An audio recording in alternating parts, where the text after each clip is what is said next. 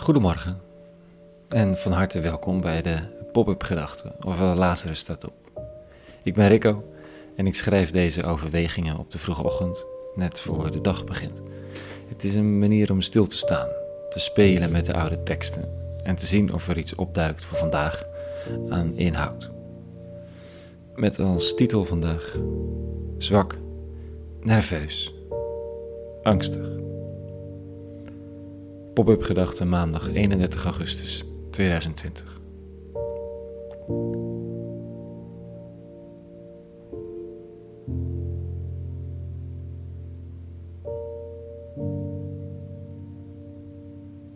Het zijn niet de eerste woorden die bij je opkomen als je aan de beroemde apostel Paulus denkt. Zwak, nerveus, angstig. De man is eerder een erudiet schrijver, lange omstandige zinnen waar menig gymnasiast of jonge theoloog zijn hoofd over heeft gebroken.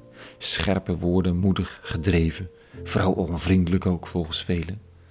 Anderen zeggen dat je hem dan niet goed hebt gelezen. Spijkerhard, zeggen weer anderen.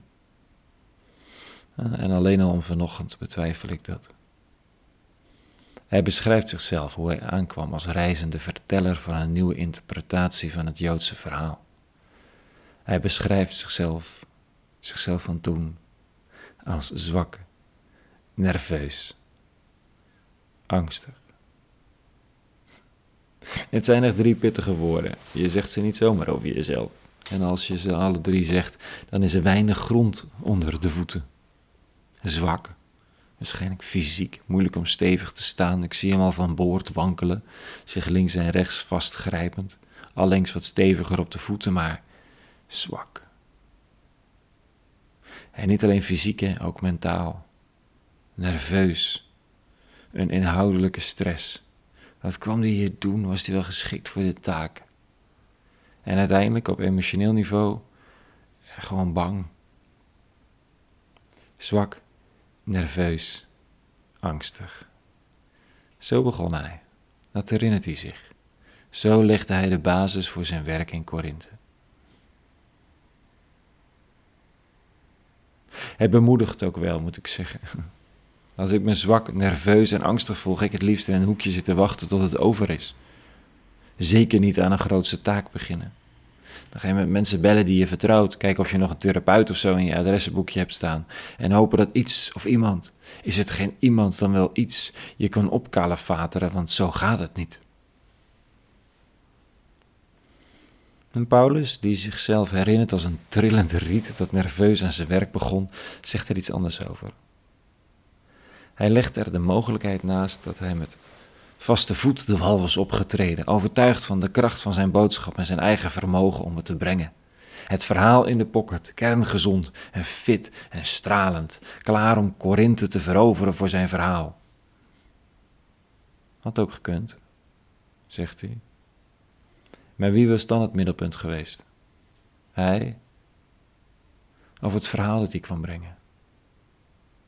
En er staat vanochtend: Het woord dat ik u verkondigde had niets te danken aan overredingskracht van de wijsheid.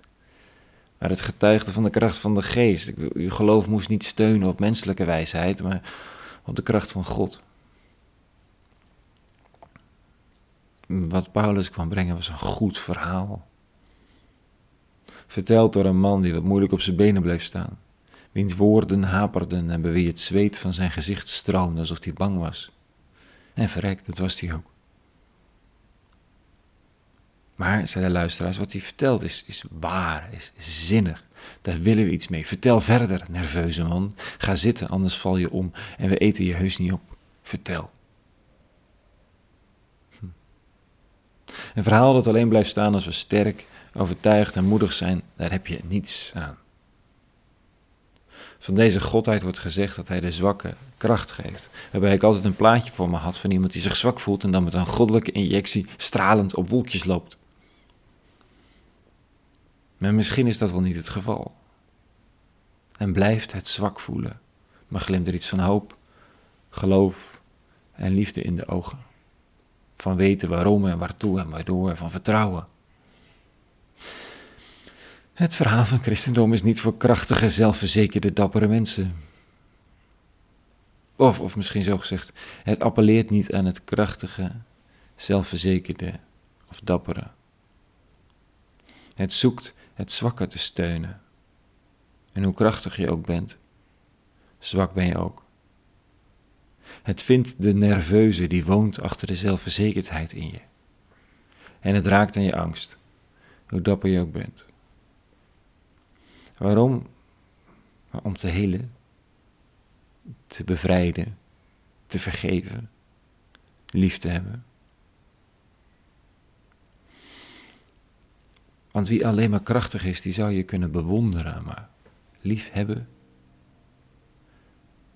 daar hoort ook zwakte bij, naast de kracht, angst naast de moed, nervositeit naast de zelfverzekerdheid, alles door elkaar.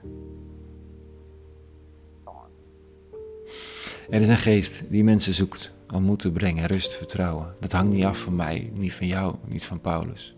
Het is er sowieso. En zoekt hard. Dat is het idee. Tot zover vandaag. Een hele goede maandag gewenst. En vrede. En alle goeds.